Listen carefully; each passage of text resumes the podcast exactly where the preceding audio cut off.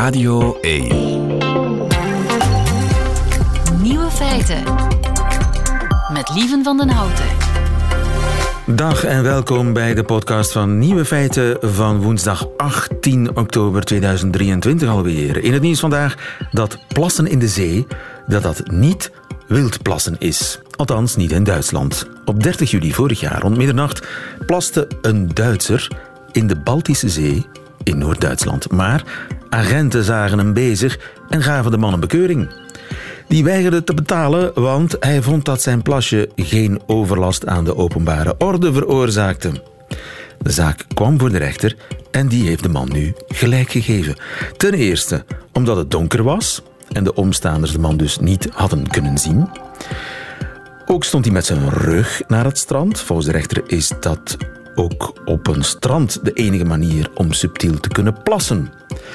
Anders dan in een bos waar je achter een boom kan staan, kan je op een strand niet verschuilen, oordeelde de rechter. Ook geurhinder kan geen probleem zijn. De Duitse Baltische Zee heeft een volume van 21.631 kubieke kilometer water, waardoor een klein plasje onmogelijk hinder kan veroorzaken. En tenslotte is er het natuurrecht.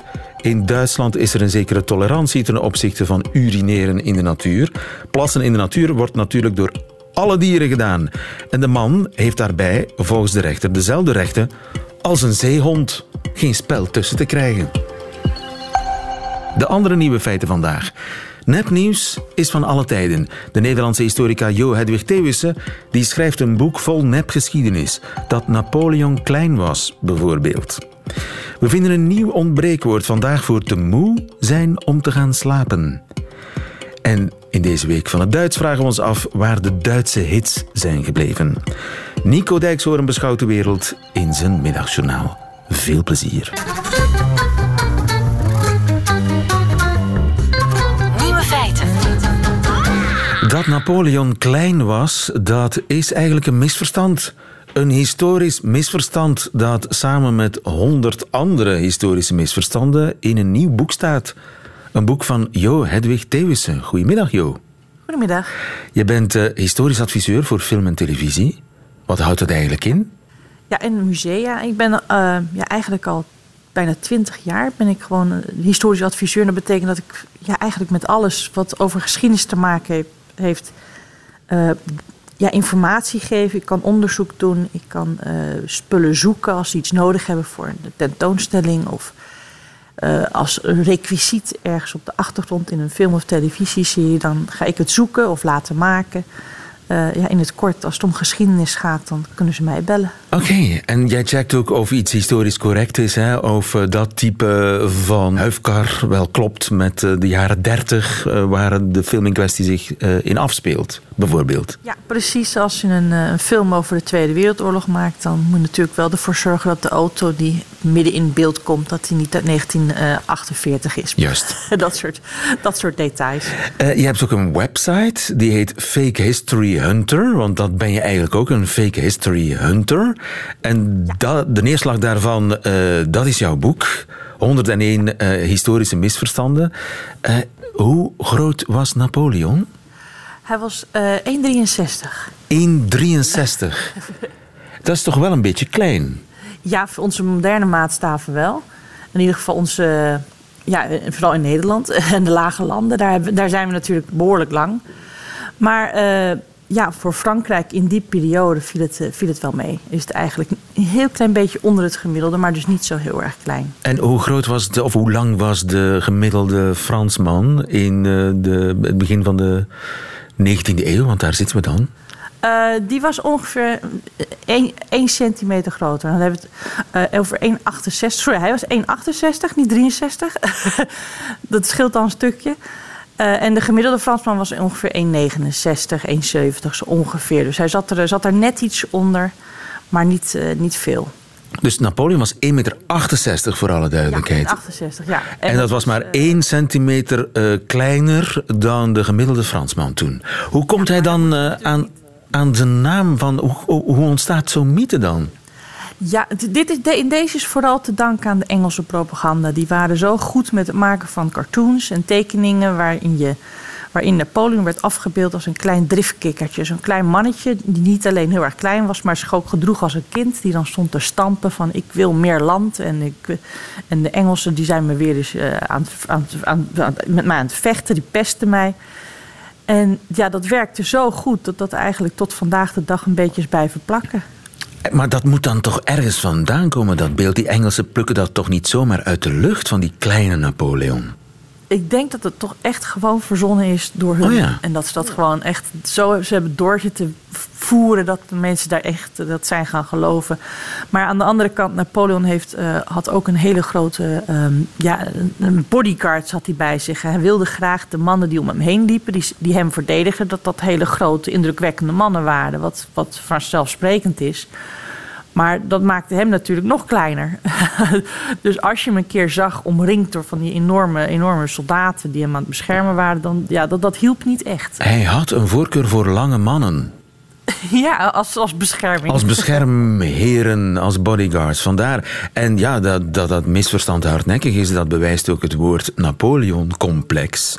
Dat is een woord dat wij gebruiken, hè? Voor, voor mannen die hun gebrek aan lichaamslengte compenseren met ja, uh, enorme ambities of een luid geroep. Maar dat, dat woord klopt dus eigenlijk. Het is een fout woord. Ja, eigenlijk wel. Eigenlijk wel. En ik denk, ik denk dat er best nog wel andere mannen te vinden zijn die, uh, die, die wel klein zijn. En ook naar moderne maatstaven, die, uh, die, ook, die, die zich ook zo gedragen. Dus misschien moeten we die maar eens gaan uitzoeken. ja. Kijk, of we nieuw iemand kunnen Een Sarkozy-complex. Bijvoorbeeld. ik zeg niks. ja. En Hitler vond hij de snelweg uit? Uh, nee, nee. Maar nee. hij deed wel heel graag alsof. Nee, eigenlijk sterker nog, de, de nazi's waren tegen snelwegen voordat, uh, voordat ze aan de macht kwamen. Huh? en, maar de, de waren, er waren al snelwegen in Duitsland en uh, ja, in Italië natuurlijk, de autostrada. Uh, de, de, de, ze waren echt niet de eerste. En, maar ja, toen ze eenmaal kwamen en bleken dat ze toch wel erg indrukwekkend waren, toen deden de nazi's heel snel alsof zij ze toch bedacht hebben. Ze hebben letterlijk uh, eerdere autosnelwegen in Duitsland hebben ze van naam laten veranderen dat het opeens gewone wegen waren. Zodat zij konden zeggen, wij hebben de snelweg uh, bedacht. En dan kwam Hitler iedere keer als er een nieuwe snelweg was gebouwd, kwam hij weer aanzetten met een schepje en een vlaggetje en een toetertje. En die zeiden van ja, dit heb ik, uh, dus mijn idee allemaal. Dat is gewoon PR, foute ja, PR zelfs. Gewoon, uh, ja, ze hebben gewoon gedaan alsof. En het ironische is eigenlijk dat de eerste die in Duitsland echt goed gebruik hebben gemaakt van de snelwegen, dat waren de geallieerden. Bij de, bij, toen zij Duitsland uh, eventjes kwamen aanvallen. Want de meeste Duitsers hadden nog helemaal geen, geen auto voor die tijd. Die snelwegen lagen daar maar leeg. Ja, ja, eigenlijk wel. Klaar voor de geallieerden om hun opmars te vergemakkelijken. Ja, en dat was niet helemaal de bedoeling, uh, ja, geloof ik. Nee. En toch uh, bestaat die mythe en wordt wel eens gezegd door mensen, al dan niet na het drinken van een paar glazen, ja, maar Hitler heeft toch de autostrades. Dat was toch één verdienste? Ja, nou ja, niet dus. en middeleeuwers gooiden die gewoon een afval op straat? Uh, nee, nou ja, kijk, het gebeurde natuurlijk wel eens, want ja, wij doen het nog steeds. Uh, maar het, zoals het in de media, zoals de meeste mensen het geleerd wordt, dat, dat, iedereen dat gewoon de hele dag maar deed. En de po uit het raam in de straat legen. En, ja, de pispot door... en, en, de, ja, en, precies, en andere dat ze, dat menselijk afval. Ja, precies. En dat ze door straat, dat de straten met, met centimeters vol met viezigheid liepen. Dat, dat, dat is een, een beetje. Dat het stonk ook, hè? Ja, alles was vies en de mensen gingen ook nooit in bad en ze wisten niet wat zeep was. Nou, en dat is allemaal dus echt een, een, een cliché dat helemaal niet klopt. Middeleeuwers die waren gek op paden, ze gingen naar het badhuis, ze wasten zich uh, dagelijks en ze gebruikten heel veel zeep. En straten die hielden ze schoon tenminste. Ze deden heel erg hard hun best. Er waren strenge wetten en regels. Uh, dat je echt je straat schoon moest houden. Dan kon je een bekeuring krijgen. En als je in de, ja, in de registers en de archieven duikt, dan kan je voorbeelden vinden van mensen die in elkaar geslagen worden. En soms zelfs vermoord omdat ze gewoon uh, ja, een, een, een, een, stukje vis op straat gooiden en de buren daar niet van gediend waren. Dus dan krijg je toch wel een heel ander beeld opeens van die tijd. En ja. natuurlijk, als een, een stad overbevolkt raakt en er heel veel mensen op een veel te kleine plek leven dan uiteindelijk gaat het een keer mis. En dat gebeurde in middeleeuwse steden natuurlijk ook. Maar dat gebeurde ook in de Romeinse steden en in de steden van vandaag. Maar op de een of andere manier zijn, ja, willen wij dat heel graag, dat idee, dat beeld bij de middeleeuwen plakken. En dat, daar, daar komt die tijd maar niet vanaf. En wie heeft dat idee in het leven geroepen, van die vieze middeleeuwers? Ik denk dat we daar in groot deel uh, de mensen van de 19e eeuw een beetje de schuld van kunnen geven. De, de Engelse Victorianen bijvoorbeeld. Uh, die waren gek op de middeleeuwen en ze schreven er heel veel over. Uh, maar ze keken om zich heen en ze zagen de sloppenwijken van die tijd en de armoede van die tijd en de vervuiling van die periode. En ja, zij projecteerden dat een beetje op uh, hun beeld van de middeleeuwen. En dat, ja, dat doen we eigenlijk nog steeds een beetje historisch. Je, ja. je, je, kijkt natuurlijk naar alle geschiedenis door de bril die je draagt van de moderne tijd. Ja. En ik denk dat zij het heel moeilijk uh, konden begrijpen dat misschien sommige dingen in de middeleeuwen ja, wat beter waren, wat schoner waren, wat minder vies waren. Maar ja, er was nog geen industri industrialisatie, er was, geen, er was een ander soort armoede. Uh, ja, het was toch anders. Ja. En ja, heel veel ideeën die we over die periode hebben komen bij de 19e eeuwers vandaan. Ja, en zo, en zo verzinnen mensen geschiedenissen die in hun kraam passen. Hè? Ja, ja, inderdaad. Fake news, nepnieuws, uh, bestaat ook in het verleden. En dan heet het uh, nepgeschiedenis. En 101 van dat soort nepgeschiedenisverhalen... die zijn gebundeld in jouw boek. Mag ik je er heel veel succes mee mensen. Ja, bedankt. Jo Hedwig Thewissen, dankjewel. Tot de volgende. Ja, dag. Het ontbreekwoord. Rick de Leeuw gaat op zoek naar woorden die onze taal helaas nog niet bestaan. Een woord zoals azertitis, vorige woensdag geboren op, uh, in dit programma. Uh, azertitis betekent vasthouden aan een onhandige oplossing voor een probleem uit het verleden. Dat geen probleem meer is. Azertitis. Leeswee is ook zo'n ontbreekwoord. Dat is de week ervoor ontstaan, denk ik. Ja. Het gevoel van leegte na het lezen van een steengoed boek. En spiegelnoot is nog zo'n prachtig ontbreekwoord. Als mocht er, goedemiddag trouwens, Ruud Hendricks. mocht er nu een, een, stukje spinazie van de lunch nog tussen je tanden je zitten, dan. Voor de, voor de webcam. dan zou ik in je oor of achter mijn, achter mijn hand kunnen fluisteren. Ruud, spiegelnoot. Met het bijbehorende gebaar. Ja, even. Ja, even. even. En naar de tanden wijzen. Het ontbreekwoord. Allemaal woorden die dus op een doordeweekse woensdagmiddag uh, zijn geboren in nieuwe feiten. Ze staan nu in het ontbreekwoordenboek. Tenminste, niet die woorden, want die zijn te recent. Uh, een, een Deel 1 van het ontbreekwoordenboek is uh, vanaf nu te koop. Waarvan we trouwens deze maand een exemplaar mogen weggeven aan de slimmerik die vandaag het ontbreekwoord vindt. En ik hoor hem gniffelen op de achtergrond. Dat is Riek de Leeuw. Goedemiddag, Riek. Goedemiddag. Beschermheilige van het ontbreekwoord. Een heilige al? Ja, bescherm, beschermheer, beschermheilige. En uh, Ruud is zoals elke week de jury. Mm -hmm. Laten we eraan beginnen, Rick. Welk ontbreekwoord gaan we vandaag vinden? Heel graag. Je zit s'avonds laat op de bank en bent eigenlijk te moe om naar bed te gaan. We waren op zoek naar een nieuw woord voor die uh, specifieke vorm van vermoeidheid. En de, de bijna 900 inzendingen oh. doen vermoeden dat het een zeer herkenbaar verschijnsel is. 900 inzendingen. Ja, Dankjewel voor de eerste selectie, Rick. Ja, het is inderdaad een... een... Met liefde gedaan, met liefde gedaan, Rick. Uh, treuzelmoe, metamoe, dwaalmoe, hapermoe, zetelmoe, Klaas vaakmoe, uitstelmoe, hypermoe, loodmoe, overmoe, sluimermoe of wat te denken van het uit de tenen komende moe, moe. Je hoeft geen koe te zijn om te weten hoe moe, moe, moe voelt. Gaat het nog, Rick? Ja, maar het was, het, het, was een werk, bedoel ik maar te zeggen. Maar okay. het, is, het, is, met grote graagte dat ik het gedaan heb. En het is natuurlijk een, die we hebben samengesteld. Een top 8 inderdaad voor een fenomeen dat ook uh, mijn dagelijkse strijd uh, een woord zal geven. Uh, top 8. Laten we eraan beginnen, Rick. Heel graag. Johan Braam en Mia Nollet komen onafhankelijk van elkaar met sleepslaap. Sleepslaap. Ja, het is natuurlijk weer mooi, hè. Ze luisteren, die, die sle, hè, dus die herhaling. Maar het zet me een klein beetje op het verkeerde been, zo, die slaap. Ja, je slaapt natuurlijk al wel, maar zo dat... Ik vind dat het deel van... Je, je, je, je komt echt niet meer op je benen. Dus dat zit er een beetje hm, te weinig in. Ja, maar je kan toch ook slaap hebben? ja, ja, je kunt slaap hebben, natuurlijk. Dan Ik is snap het hem ook niet zo goed eerlijk gezegd. Nee, hè? Sleepslaap. Nee, nee. Slaap die sleept. Ja, Eh, ja, nee, zo voel ik het Je ook niet. sleept je naar je slaap toe. Nadat, nadat je dat gevecht gevoerd hebt. Ja. Dus het is een beetje post factum, die sleepslaap. Ik zou midden in de actie, maar de actie is een vreemd woord in dit geval. Ik geef het toe. Ik geef het toe. Ja. Eh, Danny Elskens, Dominique Minten en Injas Lepage komen onafhankelijk van elkaar met bedstrijd. Dat vind ik wel leuk. De- Ik, ik weet het, eh, Ruud, het Ja, is een woordspeling. het is een woordspeling. Ik vind Het- ja. precies, het dekt precies de lading. Het is een Nee. strijd om naar je bed te gaan. Ja, het En je zou zit ook die een, strijd te voeren in je stoel. maar het zou ook een strijd kunnen zijn over wie in het bed mag liggen.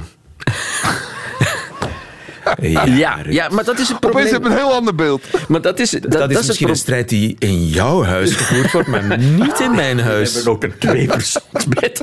Eh, maar maar het, dat is het probleem met zo'n samenstelling. Hè. Dus wij kennen, wij- ja, wij kennen nu de, de opgave en dus weten we ook wat de relatie is tussen de twee delen.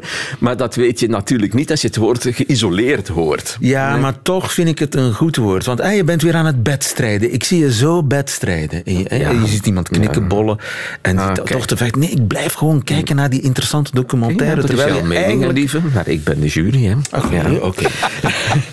Ik voel het mooi dat zowel bedtijd als wedstrijd Juist, woord bedtijd. samenkomen. Ja, Juist. ja, ja. ja oké. Maar misschien komt er iets beters. Goed, next. We gaan kijken. Eh Eugenio verzond samen met zijn klas 4 TW van het Hartencollege in Ninove slakkenmoe. Oh, dan, dat vind ik ook wel moe. Dat vind ik wel mooi, bedoel ik. Eh, omdat, dus je hebt... Ja, het, het zit erin, ik ben moe, dat zit erin. En je hebt natuurlijk die associatie met een slakkengang.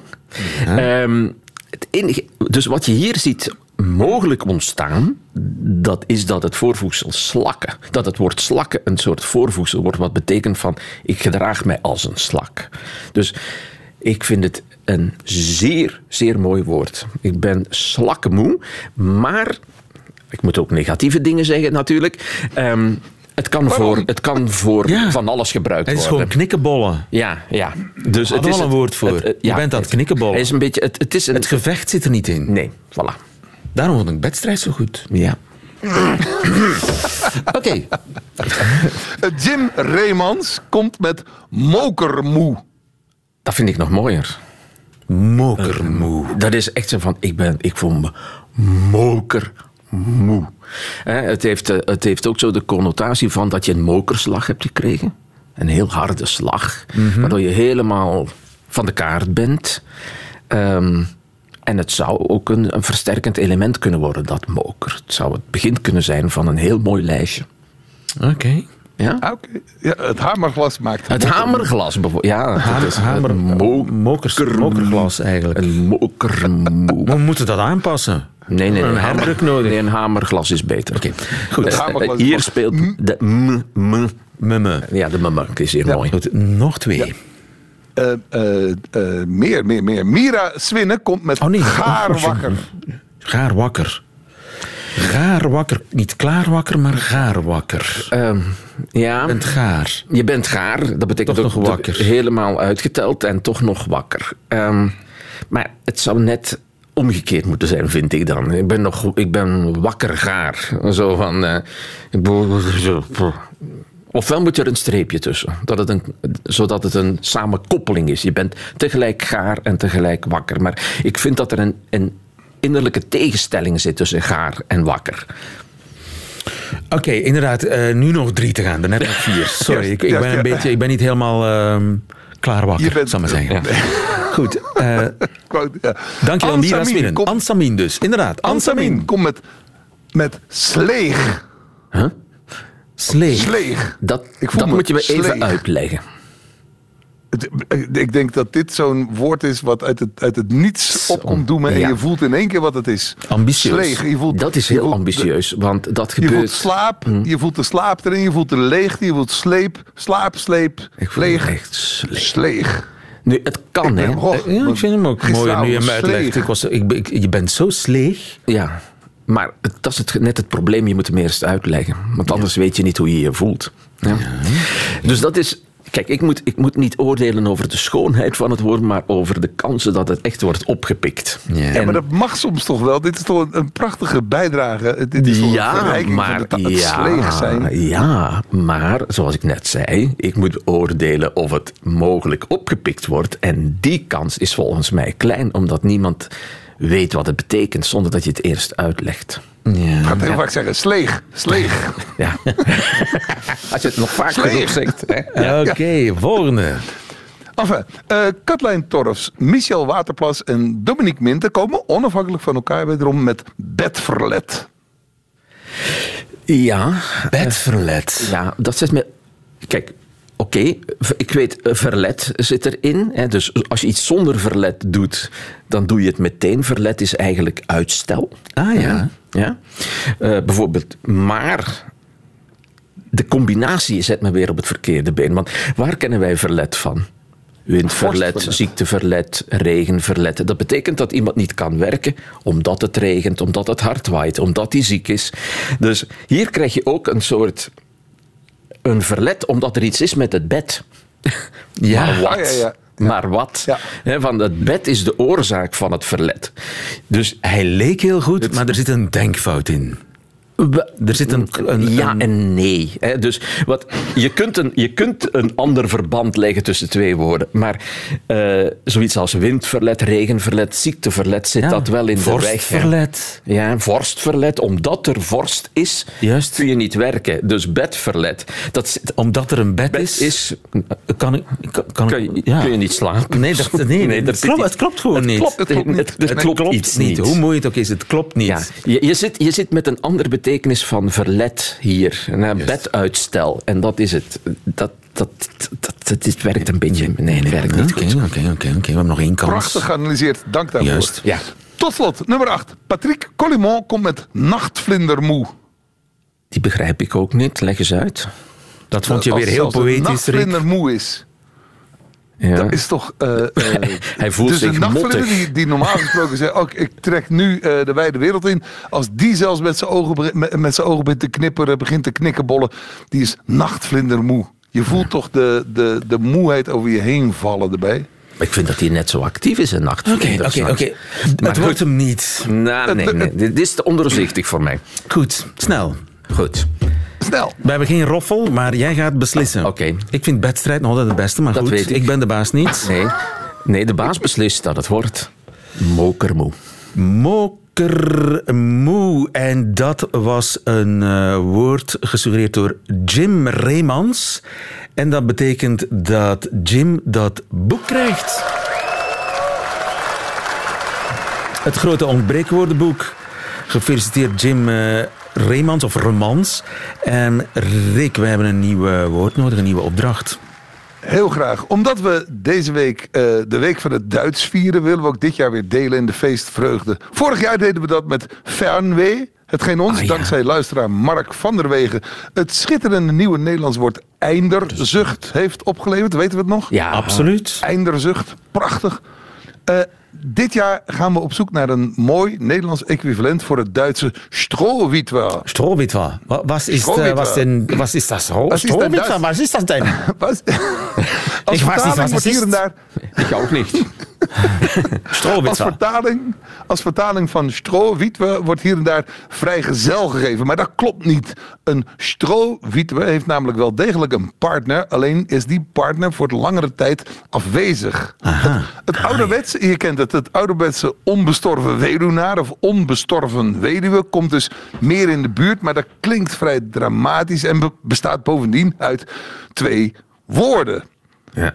Dus dat, ga- dat, dat werkt niet. Dus we zoeken voor strohwitwe een nieuw Nederlands woord. We gaan op zoek naar een woord voor het voor langere tijd zonder je partner zijn. Tijdelijk zonder je partner zijn, hoe noemen we dat in het Nederlands? We hebben daar een woord voor nodig. Als u een idee heeft, rea- reageer via de grote ontbreekwoordknop in de app van Radio 1 of op radio1.be. Ruk en Ruk. Ruk en rit. Een nieuw woord. en. Ruk. Tot, tot volgende week. Dank. Dag. Radio 1. Nieuwe feiten. Zijn we doof voor Duits geworden? Muziekjournalist Robert van Gijssel die beweert van wel. In zijn krant, de Volkskrant, houdt hij een pleidooi voor meer Duitse popmuziek. Jan Delvaux, goedemiddag. Dag lieve. Je bent onze muziekkenner, onze Robert van Gijssel, zeg maar. Uh, heeft hij gelijk? Um, ik denk het wel, ja. We luisteren nauwelijks nog naar het doof oosten. Zijn, doof zijn we in ieder doof, geval. Ja, ja, maar we zijn ook doof voor Italië, we zijn ook doof voor Frankrijk. Ik bedoel, we zijn, we zijn eigenlijk ja, eenkennig geworden door in de jaren, vrees ja, ik. Ja, inderdaad. Ondanks het feit dat we nu Spotify hebben, dat we denken dat we de hele wereld dat we naar kunnen luisteren. Maar in de jaren zeventig was Gilbert Bécaud een ster. Voilà, maar ook Vanessa Paradis, Patricia Kaas, Eros Ramazzotti, ja, wereldwijd. Laura Pausini. Die, die in het Italiaans dan? Ja, ja dat ja, wel. Ja, ja, nee, maar bedoel, er was een uitwisseling tussen de naties die je vandaag veel meer zou verwachten, maar die is helemaal ja, verdord, afgebrokkeld. Ja. En met name Duits was vroeger zeer populair. Hè?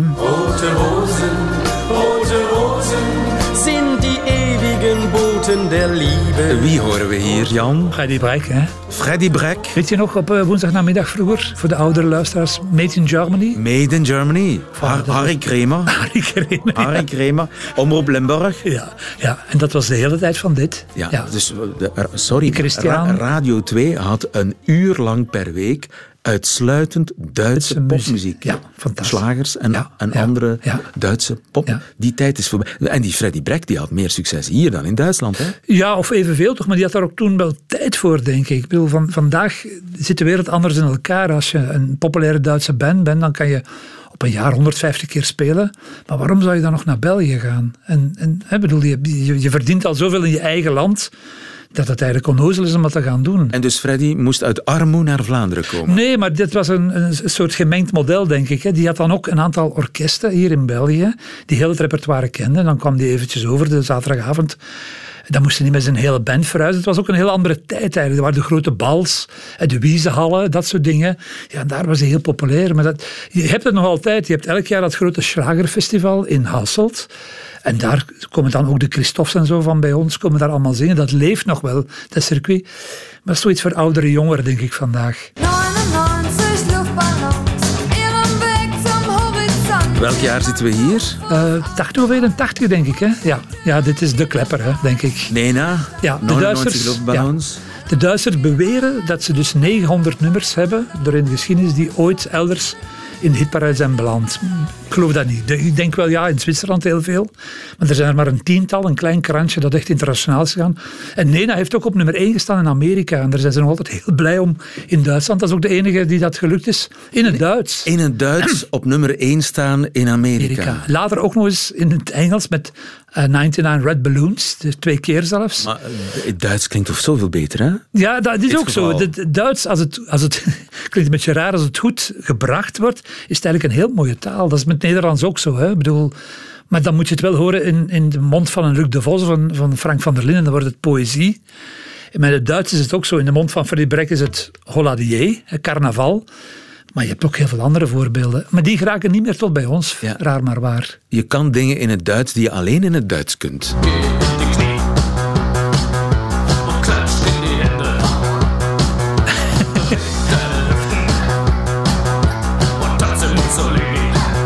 Dit een soort van battle.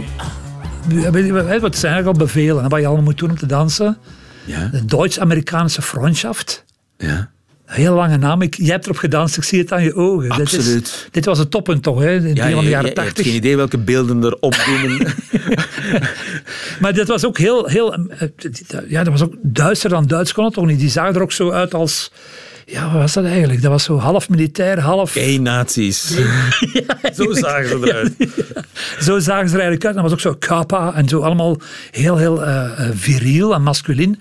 Maar wel heel straffe muziek. En dit is natuurlijk de, de meest interessante periode. Ook de, Duitsland is, we mogen dat niet onderschatten. We denken altijd aan carnaval en bier, pullen en dat soort dingen. Elektronische dansmuziek. Elektronische muziek, kraftwerk is... Pioniers geweest. zijn hè? pioniers geweest. En voor mij was dat een heel rare vaststelling. Ik kom uit Leuven.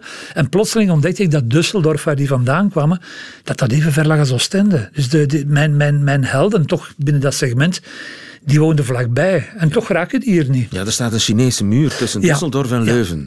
Ja, eigenlijk wel. Ja, en tussen de rest Het van is een soort- Vlaanderen. een soort Berlijnse muur eigenlijk. En ze hebben het zelf gezocht. Nee, nee, het is ook zo. Ja, dat is heel, heel... Maar vroeger lu- lukte die dingen wel, maar dat zat dan allemaal in het, in het, ja, in het cultsegment. In, in de, de, Luc Jansen draaide dit soort Ja, dingen op de radio. De, Neue Deutsche De Welle. Welle, hè, Rheingold en, en, en dat soort dingen. En, en, en, en schandaal in, in Sperbezirik konden wij plotseling zeggen.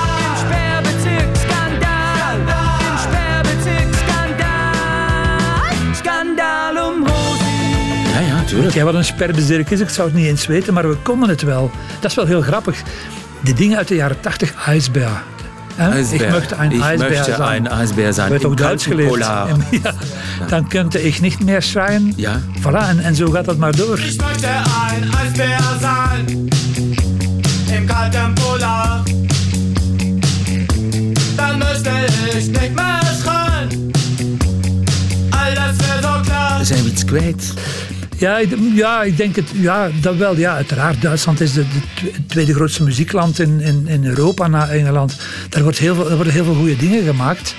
Maar door het feit, vro- vroeger, vroeger had je ook, het is dan heel technisch, maar dan had je uitwisselingen tussen de verschillende landen. De plaatfirma's hadden con- congres en daar liet men dan iets horen van, kijk, we hebben iets tof, DAF, kan je er ook iets mee doen? En zo reisde dat dan en dan kwam er hier bij Radio 1 iemand met dat plaatje af van DAF. Maar de laatste keer dat er iemand bij jou een Duitse plaat is komen aanbevelen, dat is, eh, er is maar één ding. hè. Ik bedoel, eh, mijn kinderen kennen Duitsland alleen maar van Ramstein vandaag. Ja. Ook weer zoiets viriel, masculin. Je, je had eh, Huis am Zee ook, hè? Und am Ende der Straße steht ein Haus am See. Prachtig, hè? Ja, heel mooi. Ja. Dat is de poëtische versie van het Duits. Am Ende steht een Haus am Zee. Ja, en bij Haus, een zee- Haus aan het meer. Aan het hè? meer, want dat hadden we dan geleerd dat zee meer was. Ja.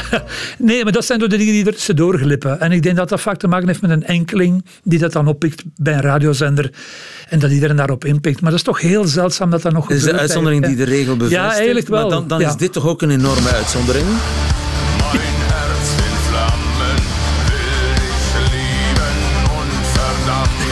Sander van Horen, hè, onze correspondent België eigenlijk voor de Nederlandse televisie, die lange tijd te gast was, die was daar een hele grote fan van. Ja, dat is iets. Ik denk dat, er- dat het heel diplomatisch zeg, daar is een publiek voor, denk ik. En dat is eigenlijk vrij groot. Dat zit ook binnen een bepaalde scene. En ja, dat klopt ook helemaal. Hè. Ramstein, bedoel, het is bijna een, een, een, een grap. Karikatuur De eigenlijk. Spinal Tap, ik weet niet of je dat nog kent, de hilarische eh, metalband. De Spinal Tap, maar dan ja, met alles erop en eraan, de pyro's en alles wat, wat er... Dat is circus, hè. dat is eigenlijk circus, Ja. denk ik. Gespecialiseerde. Ja, elk jaar hebben we ook wel een Franse hit of zoiets, of een Italiaanse nummer dat het goed doet. Ken je dat? dat? Dat is dat fenomeen. Maar zo de grote, ja, dan moet ik wel opletten dat ik geen oorlogsretoriek begin te gebruiken, maar zo de grote bestorming, die is eigenlijk weg. Maar wie is de grote schuldige daarvan? Uh, de, de- wij allen een beetje, denk ik. Ik bedoel, dat merk je vandaag toch ook. Nederland drijft ook ver weg. Hè? De, de grote Nederlandse bands. Ik geef maar een voorbeeld. Direct. Dat is een heel grote band. In, of Raccoon. Daar horen wij nooit van. Bluff vonden we tof. Weet je nog? Maar Bluff was dan iets raar. was een, een Duits nummer dat zij hadden bewerkt. En dat dan bij ons binnenkwam. De scene was heel groot Ja, hier. ja, ja, maar, dat, maar dat, de, Spinvis is dat ook. Maar dat zijn reserve-Belgen. Dat zijn mensen die heel Belgisch klinken. Die goede teksten hebben vaak. Dat vinden we heel belangrijk, denk ik. Vooral hier Ze, mo- ze Nederlandse moeten bands. iets brengen dat we zelf niet hebben. Ja, eigenlijk is het dat wel. Ja, dat, Maar ja. er is de, wel de, de, de vanzelfsprekende hegemonie van alles wat Engels is. Wat uit Engeland komt. ja, ja, ja, uiteraard. Ja, ja, ja. En die wordt Dus die, eigenlijk die, al- die Engelstaligheid, Ja. dat is toch echt toegenomen. Ja, want dat is wel een heel belangrijke eh, bemerking eigenlijk.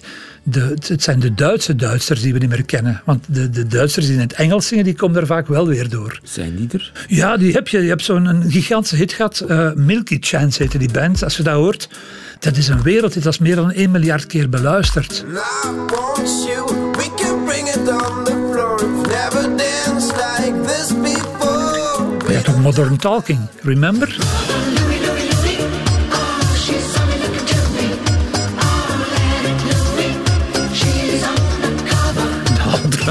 Talking. Now we're talking.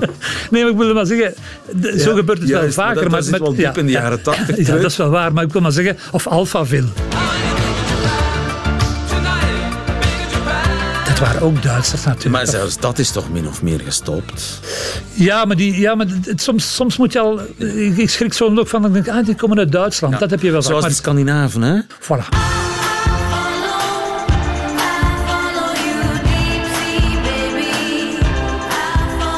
Tovelou, Lucky Lee. eh, Maar de laatste. Zweedse hits, oh, de hits in het Zweeds, dat is alweer heel lang geleden. Dat moet wel naar Cornelius Vreeswijk of weet ik veel wie in de jaren 60 gaan. Dat bedoel ik eigenlijk. Dus Is het de schuld van MTV, die alles eh, naar MTV, heeft, heeft, eh, MTV was vroeger heel belangrijk. Hè. Ik bedoel, MTV was te ontvangen in het begin in heel Europa. Dat is ook het geluk geweest van Deus. Deus werd plotseling gedraaid door MTV en in, in Jeruzalem kon ze Deus horen. Dat was een, een klein wonder en daardoor kon hij overal ook gaan spelen. Maar dat was een heel andere tijd. Nu heeft elk land een beetje zijn eigen koninkrijkje. Je merkt het ook bij ons. Hè. Ik bedoel, de, de, het zit, de, de, de sportpaleizen worden vandaag gevuld door Belgen. Dat was twintig jaar geleden ondenkbaar. Dat, dat hadden we nooit verwacht. Dat de Pommelinen en zo voor 12.000 man konden gaan spelen. Dus Pommelien Thijs is de nieuwe Freddy Brek. Dat is heel kort door de bocht, lieve, maar, maar bedoel, qua, qua figuren wel. We hebben onze nationale helden. In Duitsland ook. Bedoel, de, de prijzen worden altijd gewonnen door eh, Peter Maffay en Udo Lindenberg en Herbert Grönemeyer. Mensen met grijs haar van de 70. Dat zijn de Raymonds van, van, van bij hen. En ik denk dat elk land zo eh, zijn ding heeft eigenlijk een beetje gebouwd. En wat dan wordt geïmporteerd, zoals Celassou is populair in Frankrijk. Waarom? Ja, omdat ze goed is, maar omdat Frankrijk zo niemand heeft in dat segment Juist. eigenlijk. Voilà. En wij hebben voor de meeste dingen hebben we al iemand. Voilà. Milo is heel populair in Duitsland. Ziet hij er Duits? Ik weet het niet, maar dat is zo'n singer-songwriter die... Die, Die ze daar dichtbij- niet hebben. Die, ja, die ze misschien wel hebben, maar die dichtbij woont en die overal wil komen spelen. Zoiets, denk ik. Maar dus we missen wel veel op die manier. Ja. De Düsseldorfer Duster Duster Boys. Boys. Ja, dat is zo'n nummer dat ik denk van... Als ze dit voor de zomer hadden uitgebracht, had het een zomerhit kunnen worden, in- kunnen worden bij ons. Freie Plätze, freie See. Schau dir meine Blumen. We zijn al mee. Ja. Ja, voilà. Ja, ja een heel catchy nummer. Ja. Ja, en het heeft toch iets, hè, dat Duits. Het heeft iets, in dit geval iets heel weemoedigs. Ja, en ook, we hebben het gevoel dat we het begrijpen. Hè, Ken je dat? We, we- we denken vaak ook dat we Duits kunnen spreken. Toch die twee eerste zinnen. Hè? Ja. Genau. Nou, voilà.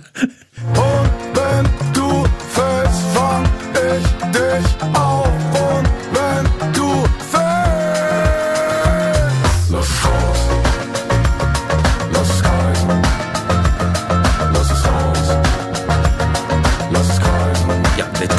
playlist van Radio 1, toch? Ja, maar hier denk ik dan wel, ja, er zullen ook wel dingen die vergelijkbaar zijn. Als die dan in de balans worden gelegd met, hè, met eigen dingen, dan is het zoiets, waarom zouden die Duitsers gaan? Waarom, waarom zouden we die Duitsers als we het zelf ook hebben? Zoiets, denk Ja, ik. Ja, dat is eigenlijk ja. de reden, maar misschien zijn we daardoor een klein beetje, hebben een klein beetje oor, oorkleppen op.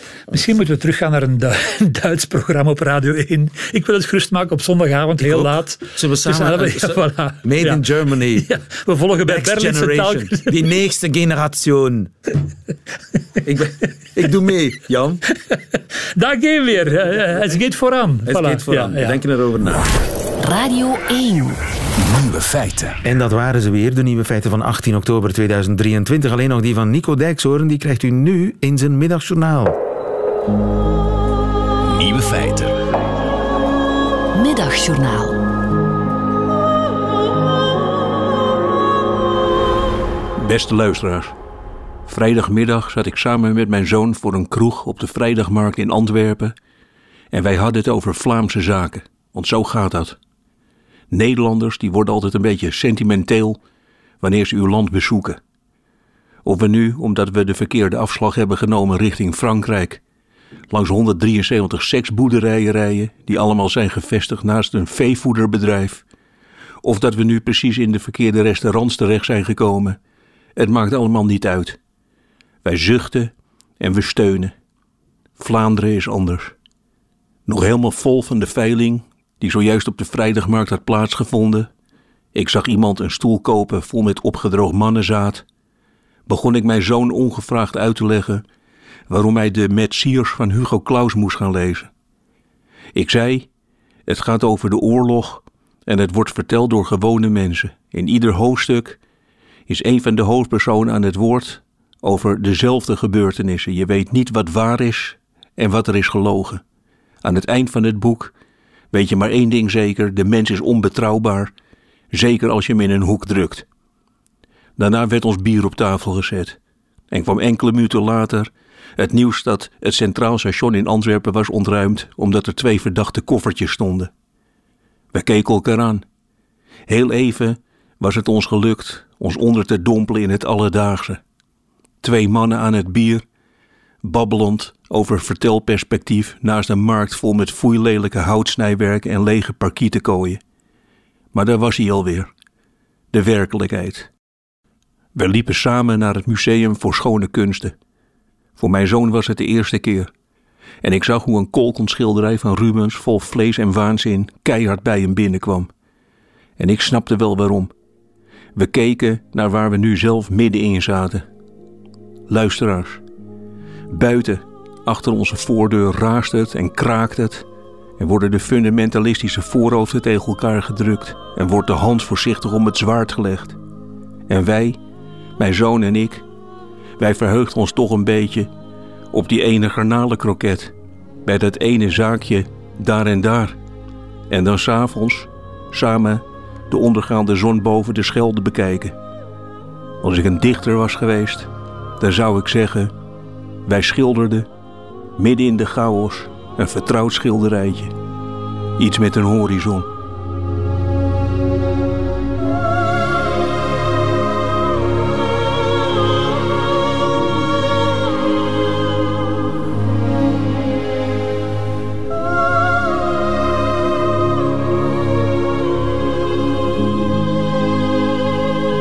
Volgens mij ben je wel een dichter, Nico. Geef het gewoon maar toe. Einde van deze podcast. Hoort u liever de volledige nieuwe feiten met alles erop en eraan? Dat kan uiteraard live op Radio 1. Elke werkdag tussen 12 en 1. Tot de volgende keer.